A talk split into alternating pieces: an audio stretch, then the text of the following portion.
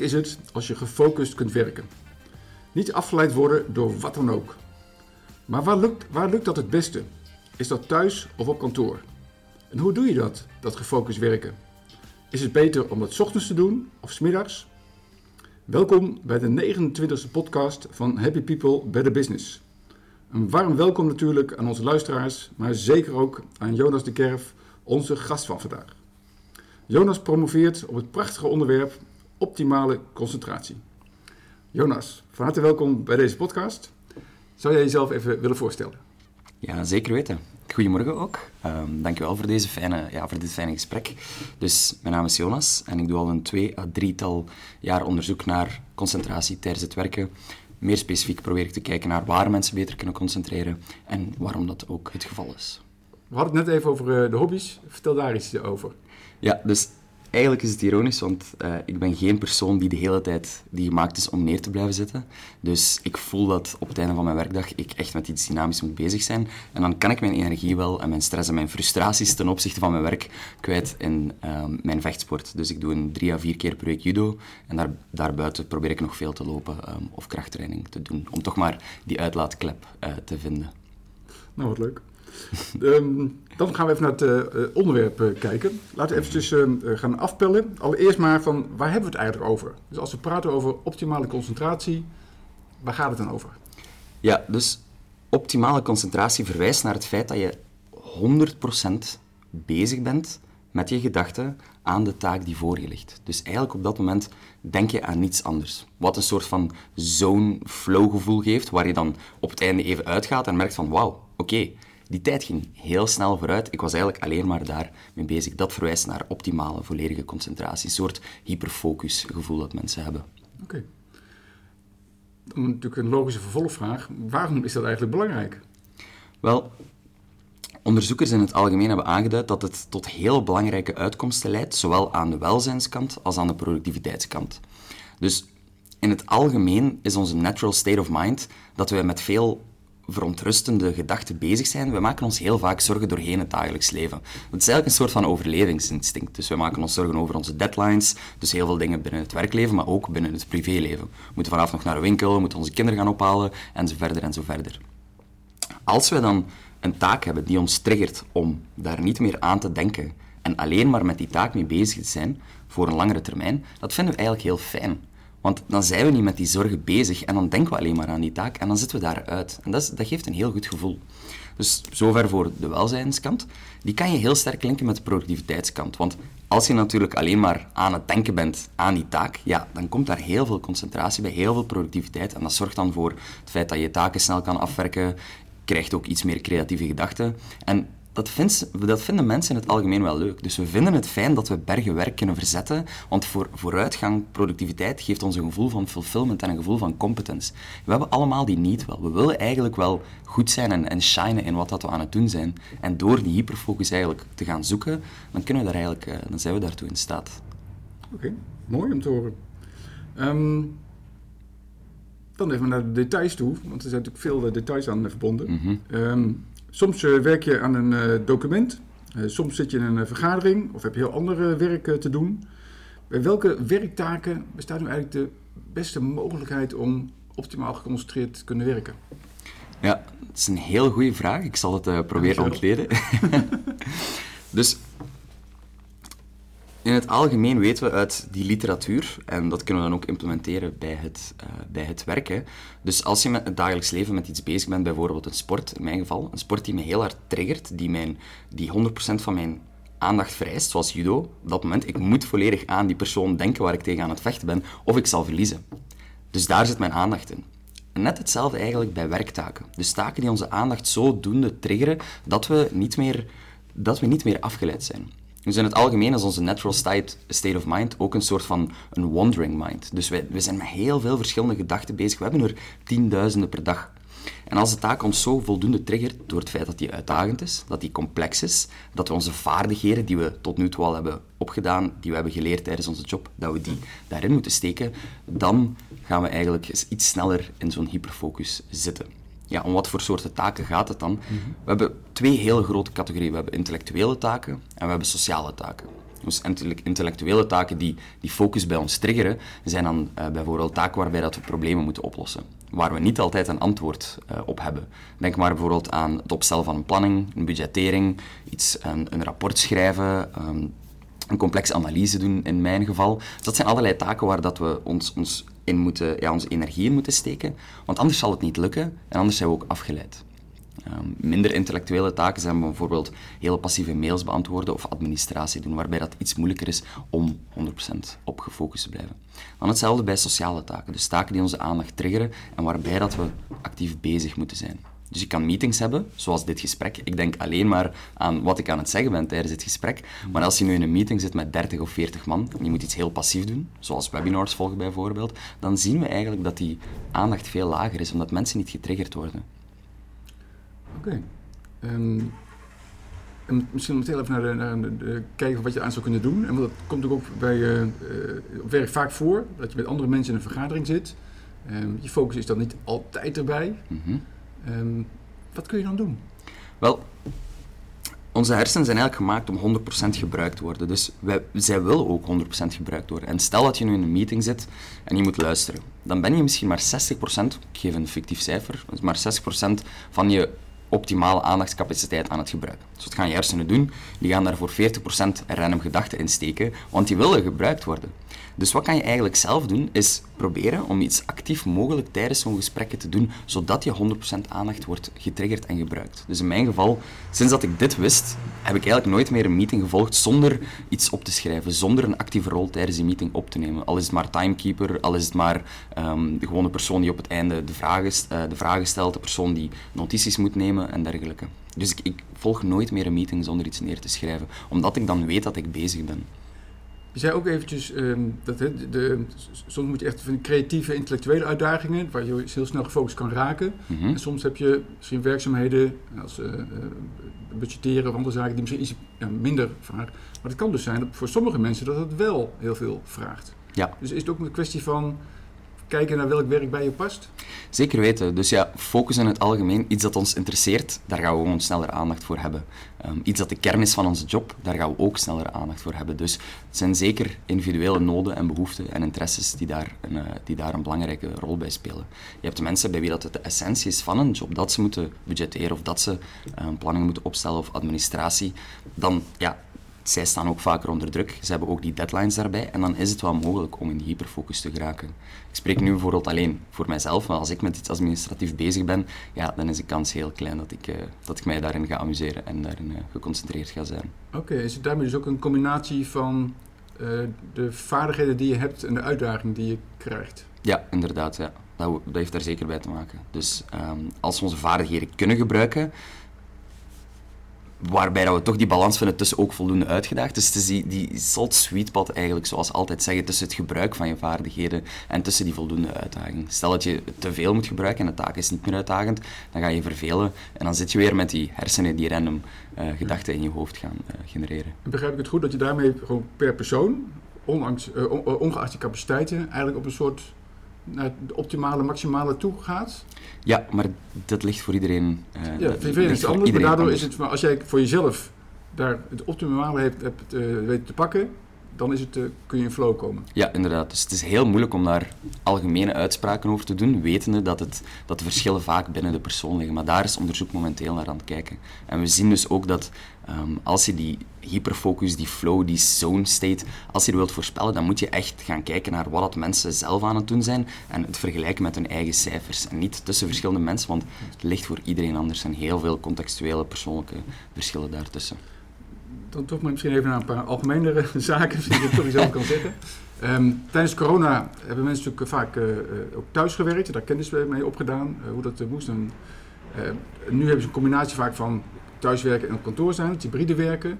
Wat weet je daarover, over optimaal geconcentreerd kunnen werken? Is ook de werkomgeving daarbij van belang, dus waar je zit? Zeker weten omdat ik het de hele tijd heb over aandacht. En we weten natuurlijk gewoon dat er sommige omgevingen zijn die aandacht stimuleren en sommige omgevingen die ons daar helemaal uithalen. Ook hier hangt het dus af van het type taak waar je mee bezig bent. En het is dus belangrijk dat we weten dat de omgeving waarin dat we werken, kunnen, dat die kunnen voldoen aan de eisen die de taak bij ons stelt. Dus stel dat je nu taken hebt waar je die aandacht voor nodig hebt, waar je echt complex denkwerk aan het verzetten bent, dan heb je hersenen niet veel nodig om uit die zone te geraken, want je bent al 100% van je gedachten, van je capaciteit aan het gebruiken. En in mijn geval, als ik aan het schrijven ben op kantoor en er wandelt iemand voorbij, dan ben ik daar heel vaak al uit. Dus we merken in het algemeen dat, um, als je dat wil toepassen dan bij het hybride werken en de dag van vandaag bij de pandemie, is de algemene slogan werk thuis om door te werken en werk op kantoor om samen te werken.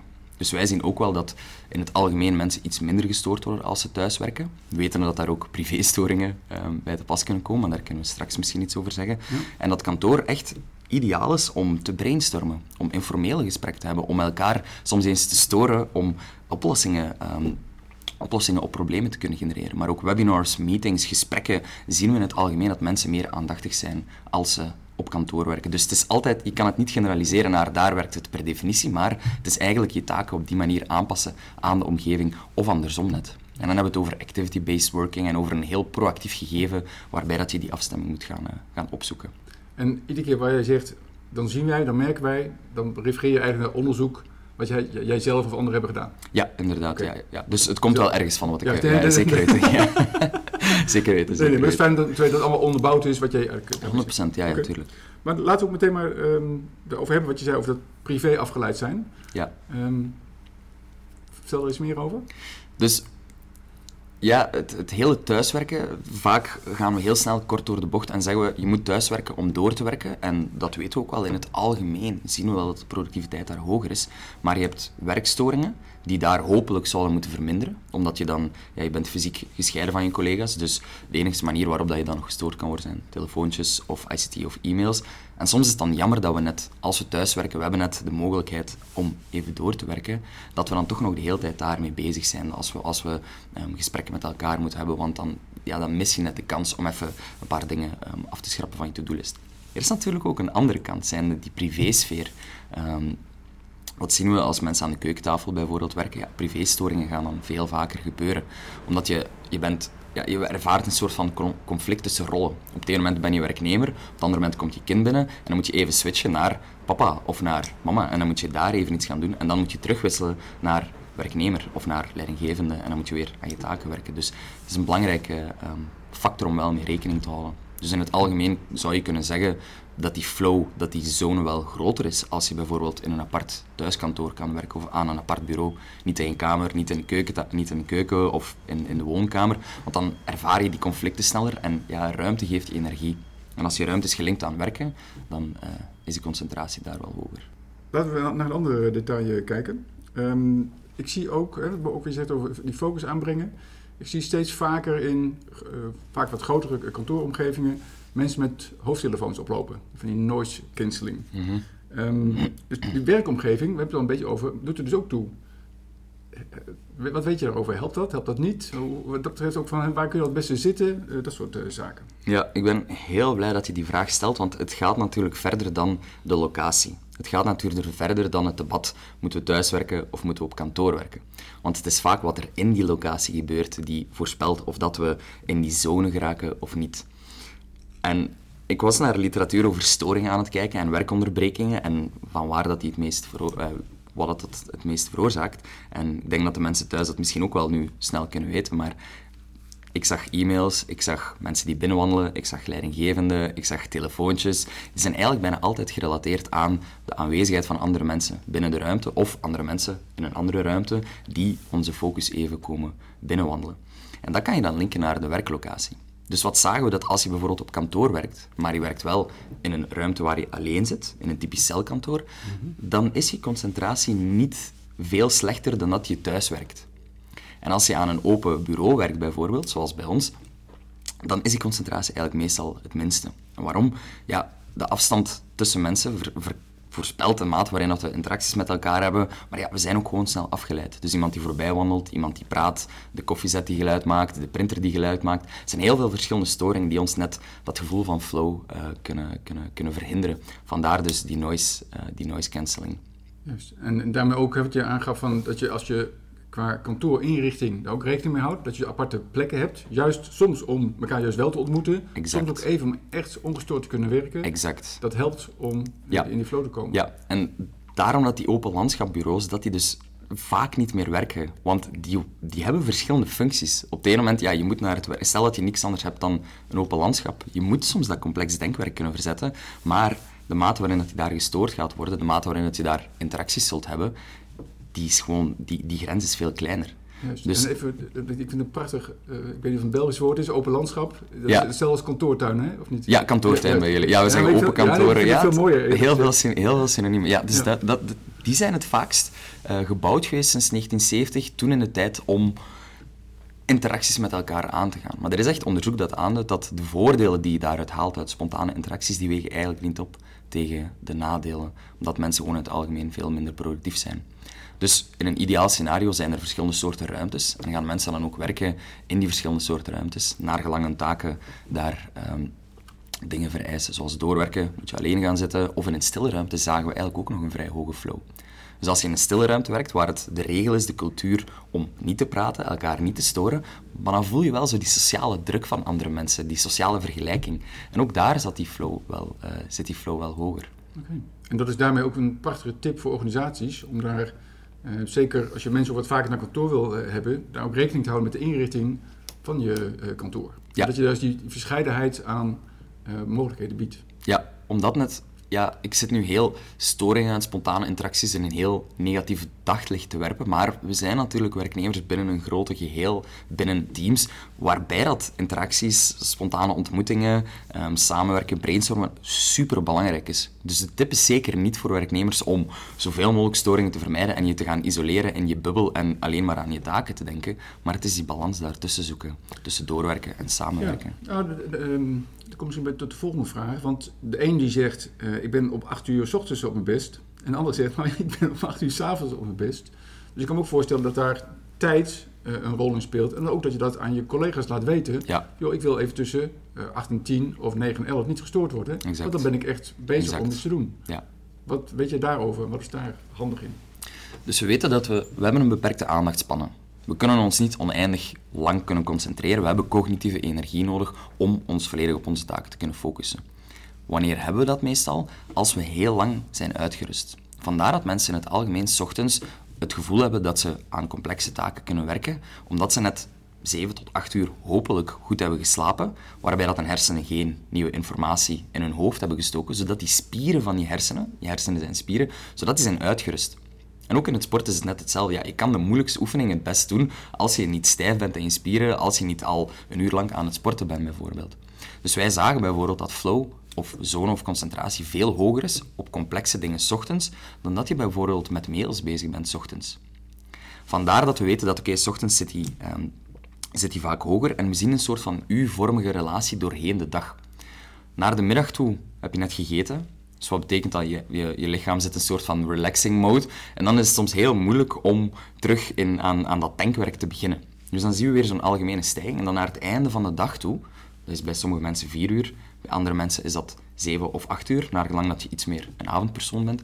Dan merk je weer van oké, het is hier weer rustig aan het worden, de samenleving is ik heb dat gevoel toch vaak van mensen gaan mij nu met rust laten, want de, de, de 9-to-5 crisis die is voorbij en daarom dat mensen zich ook vaak productiever voelen s'avonds. Nu kan ik mij er terug aanzetten. De werkdag gaat bijna eindigen, we voelen druk, want we hebben nog dingen te doen. En dan krijg je een soort van gezonde pressure om terug, en daarvan zie je terug die stijging eh, naar het einde toe. Dus afspraken met collega's en teamleden over wanneer dat jij die focusblok wilt hebben, zijn natuurlijk super belangrijk. Ja, uh, heel interessant. En als je dan kijkt naar het midden van die U, wat voor soort werkzaamheden zou je dus juist tussen uh, eh, 12 en 2 of tussen half 12 en 3 of zo moeten doen? We zagen dat concentratie iets hoger is bij sociale taken, net na die middag. Waarom? Als je in een meeting zit, ja, dan kan je niet even gaan, op, kan je niet even gaan indompelen, want die persoon met wie dat je praat, die, die vereist jouw concentratie. Dus we zagen dat concentratie dan eigenlijk hoger is na de middag als je een meeting inplant ten opzichte van bijvoorbeeld met een complexe denktaak bezig bent. Dus taken die je aandacht wel triggeren, maar het is niet dat een meeting heel cognitief belastend is, afhankelijk van wat je doet, probleem oplossen. Dat zou natuurlijk ook kunnen. Mhm. Dus bijvoorbeeld meetings inplannen of um, administratie, creatief denkwerk, waarbij, dat je, even ook, waarbij dat je niet veel um, te intensief moet nadenken. Dat zien we dan terug. Okay. Je zei even in een bijzin, uh, op het eind van de dag dan voel je de druk, er moet nog iets af uh, zijn. Um, wat weet je over, hè, als je in flow kan komen, want voor mij helpt dat, hè, dat je een soort deadline hebt. Mhm, mhm. Een uh, Sinterklaas gedicht schrijven in februari, dat zet geen druk eh, bij mij, hè? dat is altijd de, de dag ervoor. Ehm, wat weet je nog meer over wat helpt om in flow eh, te komen?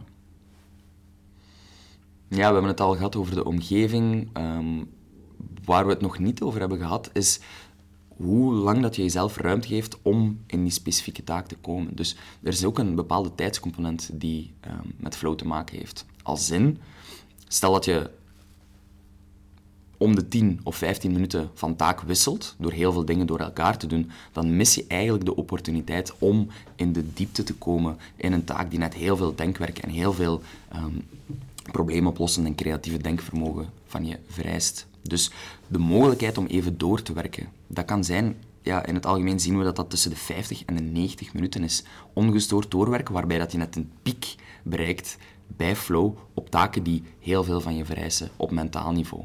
Dus we hebben de dag van vandaag vaak de neiging om te beginnen wisselen tussen taken, om te proberen multitasken, om heel veel dingen door elkaar af te doen. Want onbewust geeft dat ons een gevoel van adrenaline en van subjectieve um, prestatievermogens. Dus we denken eigenlijk dat we het op dat moment beter aan het doen zijn en die persoon stuurt onze mail en we laten onze mailbox open en we zijn met dit en dit bezig. Dus we voelen een soort van adrenaline, dopamine. Objectief gezien doen we het eigenlijk minder goed dan. Objectief gezien kunnen we minder goed problemen oplossen, maken we meer denkfouten. Dus ons ook de mogelijkheid geven om even in de diepte te komen bij taken. Ongestoord is een heel belangrijke component ook daarbij. En ook die U triggert mij nog steeds. En wat je net zei, is, daarmee, is er daarmee een soort optimale dag in te richten? Het zal misschien per werknemer anders zijn, maar is daarmee zeggen van joh, dit kun je best s ochtends doen, s middags en dan s avonds? Ja. Dus ook hier moeten we dan gaan kijken naar, naar de taken waar je mee bezig bent. En we zien dus dat flow ochtends hoger is op complexe taken. Dus mijn productiviteit is belachelijk hard veranderd als ik meteen mijn laptop open doe en niet naar mijn mails kijk, niet iets random doe, maar eigenlijk meteen begin te schrijven of meteen iets belangrijk begin te lezen. En zo zijn mijn ochtenden eigenlijk, zo zien al mijn ochtenden eigenlijk uit. Dus voor mij zijn ochtenden echt productiviteits- of doorwerkblokjes. Um, waarbij dat ik ook heb gecommuniceerd naar mijn eigen leidinggevende toe, dat ik mijn mails pas middags beantwoord, dat ik, ik doe mijn gsm zelf niet open s ochtends, omdat ik dan echt bergen werk verzet. Dat is niet voor iedereen mogelijk. Ik kan van de aardbol verdwijnen voor een ochtend, omdat ja, als ik na de middag terug antwoord, is het wel goed. Bij sommige mensen zou ik dan aanraden, doe dat misschien voor 50 minuten, doe dat voor anderhalf uur en kijk dan naar e-mails. Um, maar dus in het algemeen, s ochtends denkwerk proberen te verzetten. Dan naar de middag toe plan ik altijd mijn meetings in of mijn, um, mijn um, taken waarbij dat ik dingen moet plannen. Taken waarbij dat ik iets praktischer bezig ben. Bijvoorbeeld data verzamelen of mails beantwoorden is ook bij mij iets dat ik altijd pas middags doe. Um, dus taken waar dat ik niet het meest complexe denkwerk voor moet zetten, waarbij dat ik dingen moet regelen. Zo noem ik het altijd. En daar doe ik mijn, mijn, mijn planning, mijn productiviteit, mijn, mijn, mijn taakwisselingen, dingen nalezen, zijn dingen die me dan wel nog mijn aandacht daarbij houden middags, omdat ik weet dat die in het algemeen dan wel beginnen te zakken. Dus dat is bij mij mijn dagindeling. Ik zeg altijd, sorry, ik kan niet s ochtends, maar eigenlijk zou ik perfect kunnen s ochtends. Sorry voor de mensen die luisteren dat ik het al heb gezegd, maar ja, ik, uh, dan, dan zijn mijn focusuren. Ja. Dit gaat over de individuele medewerker. Je had net ook al een voorbeeld hè, van een uh, omgeving waarin de hele afdeling gewoon stil is op een bepaalde tijd. Daarmee is ook iets dat je als organisatie kan zeggen, wij weten dit, dus laten we daar ook op gaan inspelen. Zeker weten. Wat zou dan een organisatie kunnen doen? Wat zijn dan de tips daarbij hoe organisatie dit soort zaken wat kan faciliteren? Ja, het is, dat is natuurlijk op cultuurniveau. Um, en een cultuurshift maken is natuurlijk heel moeilijk, maar al de bewustwording en daarin initiatieven gaan ondernemen, denk ik dat al heel veel gaan kunnen doen. Dus we hebben het over die kantoren gehad, maar ook bijvoorbeeld, er is een onderzoek dat aanduidt dat als je al, al één quiet hour per dag of per week binnen een organisatie toelaat, dat het eigenlijk al voor een, een stijging in productiviteit zorgt, in algemene productiviteit. Dus afspraken proberen doorbrengen naar teamniveau, um, afspraken rond stil zijn, echt die quiet rooms echt gaan, gaan, gaan bouwen en die daarvoor laten dienen, zodat er in het algemeen een cultuurshift naar gaat, is, uh, is, een, is een hele belangrijke. Dus dat communicatie van organisaties naar teams en leidinggevenden toe, dat dit de bedoeling is, dat we dat weten, dat werknemers van bovenaf niet die druk ervaren van oei, ik moet hier de hele tijd bereikbaar zijn, ik, ik moet met mijn collega's kunnen werken, maar het meeste werk is natuurlijk wel op, uh, op teamniveau, waarbij dat die afspraken uh, moeten doorgevoerd worden. Je noemde even leidinggevende. Uh, wij zien eigenlijk in allerlei onderzoek terug dat de rol van de leidinggevende bijzonder belangrijk is. Als je dan kijkt naar het optimaal concentreren, wat weet je over die rol van de leidinggevende daarin? Als je een storing krijgt bijvoorbeeld, of een werkonderbreking, en die komt van je leidinggevende, dan gaan werknemers ja, meer afgeleid zijn, dus niet misschien de juiste term, maar dan gaan ze hun werk wel echt onderbreken om meteen aan die taak van een leidinggevende die ze hebben gegeven, bijvoorbeeld te werken. Dus dat is echt op een dagdagelijkse basis. Dat zorgt er natuurlijk wel voor dat de taak waar dat ze in essentie mee bezig waren, dat die echt onderbroken wordt. En het is niet altijd even gemakkelijk om daar terug in te geraken. Dus we voelen die druk van de leidinggevende als zij ons iets naar ons communiceren, een mail sturen, dat we alles laten vallen en dat we dan meteen daarmee uh, omgaan. En het is denk ik wel als leidinggevende belangrijk om daar op de hoogte van te zijn, dat als je communiceert, dat dat, dat een soort van, van, van druk oplegt. Dus het is hoe dat je je gedraagt als leidinggevende, um, hoe dat je communiceert, dat heel veel doet.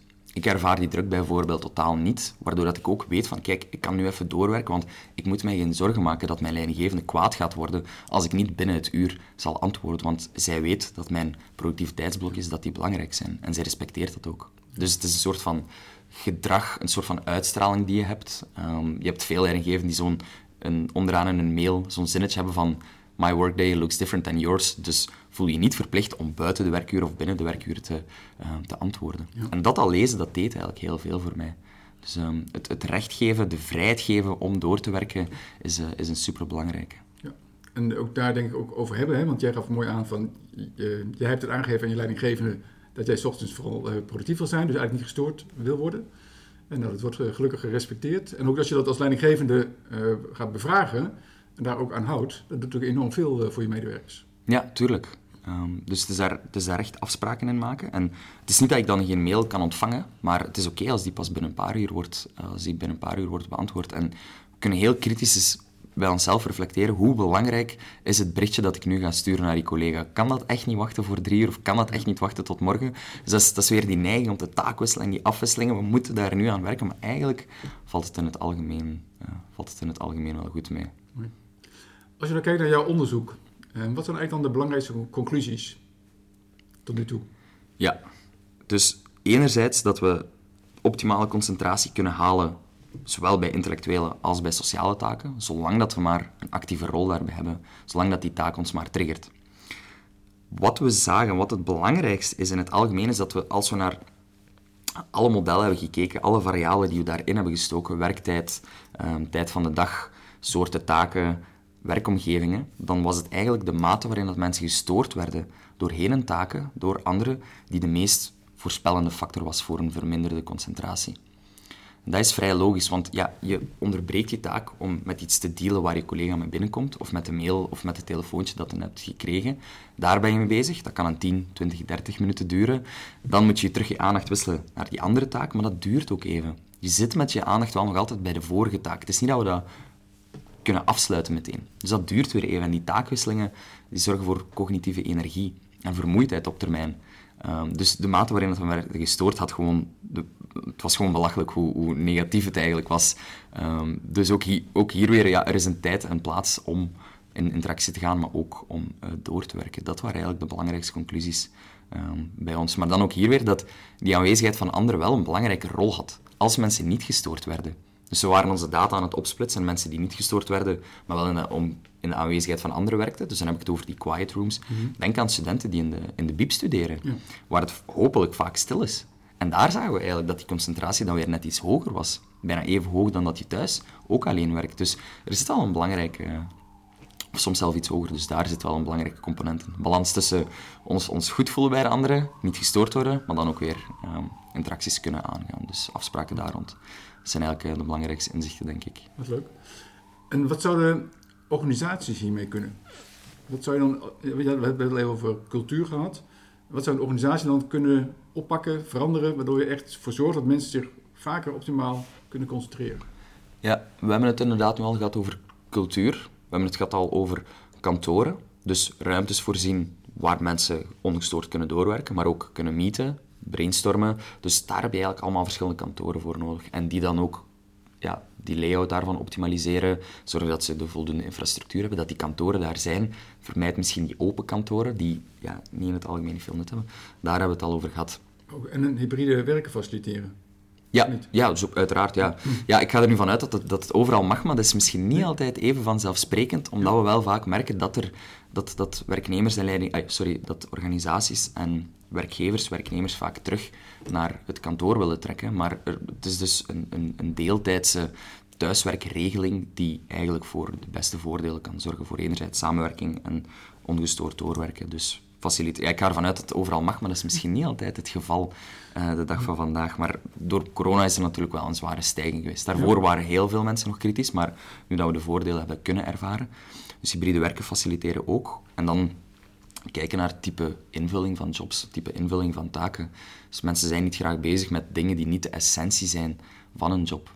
Dus bijvoorbeeld extra administratieve werknemers inhuren of aannemen die um, dergelijke dingen kunnen aanpakken. Of bijvoorbeeld um, proberen dingen te automatiseren. Je hebt, heel, je hebt heel veel leidinggevenden bijvoorbeeld die met heel veel administratie bezig moeten zijn, puur omdat het wordt verwacht, maar eigenlijk is dat ook niet de essentie van een job. Dus daar zit ook wel uh, heel veel dingen in. En dan ja, langs de andere kant die verantwoordelijkheid en die autonomie geven aan werknemers om ook de taken te kiezen waar het zij het liefst mee bezig zijn, die de essentie zijn van een job langs de ene kant. En dan hebben we nog ja, heel die cultuur rond de mogelijkheid om te disconnecteren, de mogelijkheid om ofwel het werken door te werken, als je smiddags iets anders hebt gedaan. Dus dat daar flexibiliteit in het algemeen in wordt gegeven. Dat mensen niet worden gejudged omdat ze s ochtends iets doen, of omdat ze s'avonds laat iets doen, als ze smiddags bijvoorbeeld niet bezig zijn. Dat zijn allemaal belangrijke tips die we aan organisaties kunnen meegeven. Super. Jonas, hiermee zijn we aan het eind van de uh, podcast gekomen. Ik wil je enorm bedanken voor het gesprek. Uh, erg inzichtelijk van, voor mij buitengewoon nuttig, want heel veel mensen ervaren ook werkdruk. En ik denk dat het voor een deel ook te maken heeft met gewoon op de juiste manier focus aanbrengen. Ja. wat je, je gaf een paar voorbeelden, dat als je continu alle mails wil beantwoorden en andere dingen wil doen, door dat beter te plannen op een dag, voor mij gaat ook enorm veel doen wat mensen daarmee, dat ze gewoon productiever kunnen, kunnen zijn. Ja, inderdaad. Dus het is van boven. Ja, we voelen die druk wel en die komt heel vaak, ik moet oppassen wat ik zeg, die komt vaak van boven. Dus te veel taken, te veel willen doen, zowel voor organisaties als voor werknemers, is eigenlijk helemaal niet goed. Want we werken gewoon beter als we met één ding bezig zijn voor een langere termijn. Dus dat is uh, nog iets om mee af te sluiten dan. Prachtige conclusie. Jonas, dankjewel. Heel graag gedaan.